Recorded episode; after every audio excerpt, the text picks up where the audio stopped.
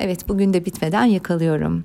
Bugün aslında cesaretle ilgili konuşmak istemiştim. Bir türlü doğru düzgün konuşamadım fark edip bu ana erteledim. Çok yoğun bir gündü.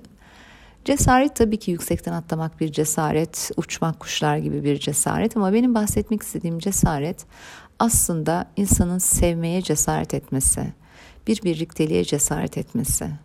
Birkaç zamandır bu konu üstünde çalışmalar yapıyorum ve görüyorum ki insanların aslında kendi hayatlarıyla ilgili aldığı kararlarda yeteri kadar cesarete sahip değiller. Peki cesur olmak için ne yapabiliriz? Gerçekten acaba kendimizi hayal kırıklıklarından mı korumak için cesuruz zannediyoruz? Onun için mi seçmiyoruz o gidilecek yolu? Veya yeteri kadar cesuruz, bütün hayal kırıklıklarını göz önümüze alarak mı çıkıyoruz o yola? Gerçekten bilemedim cesaret hangisi. Biz siz de düşünün. Hangisi cesaret olur? Biteceğini bile bile yaşayacağınız bir ilişki mi?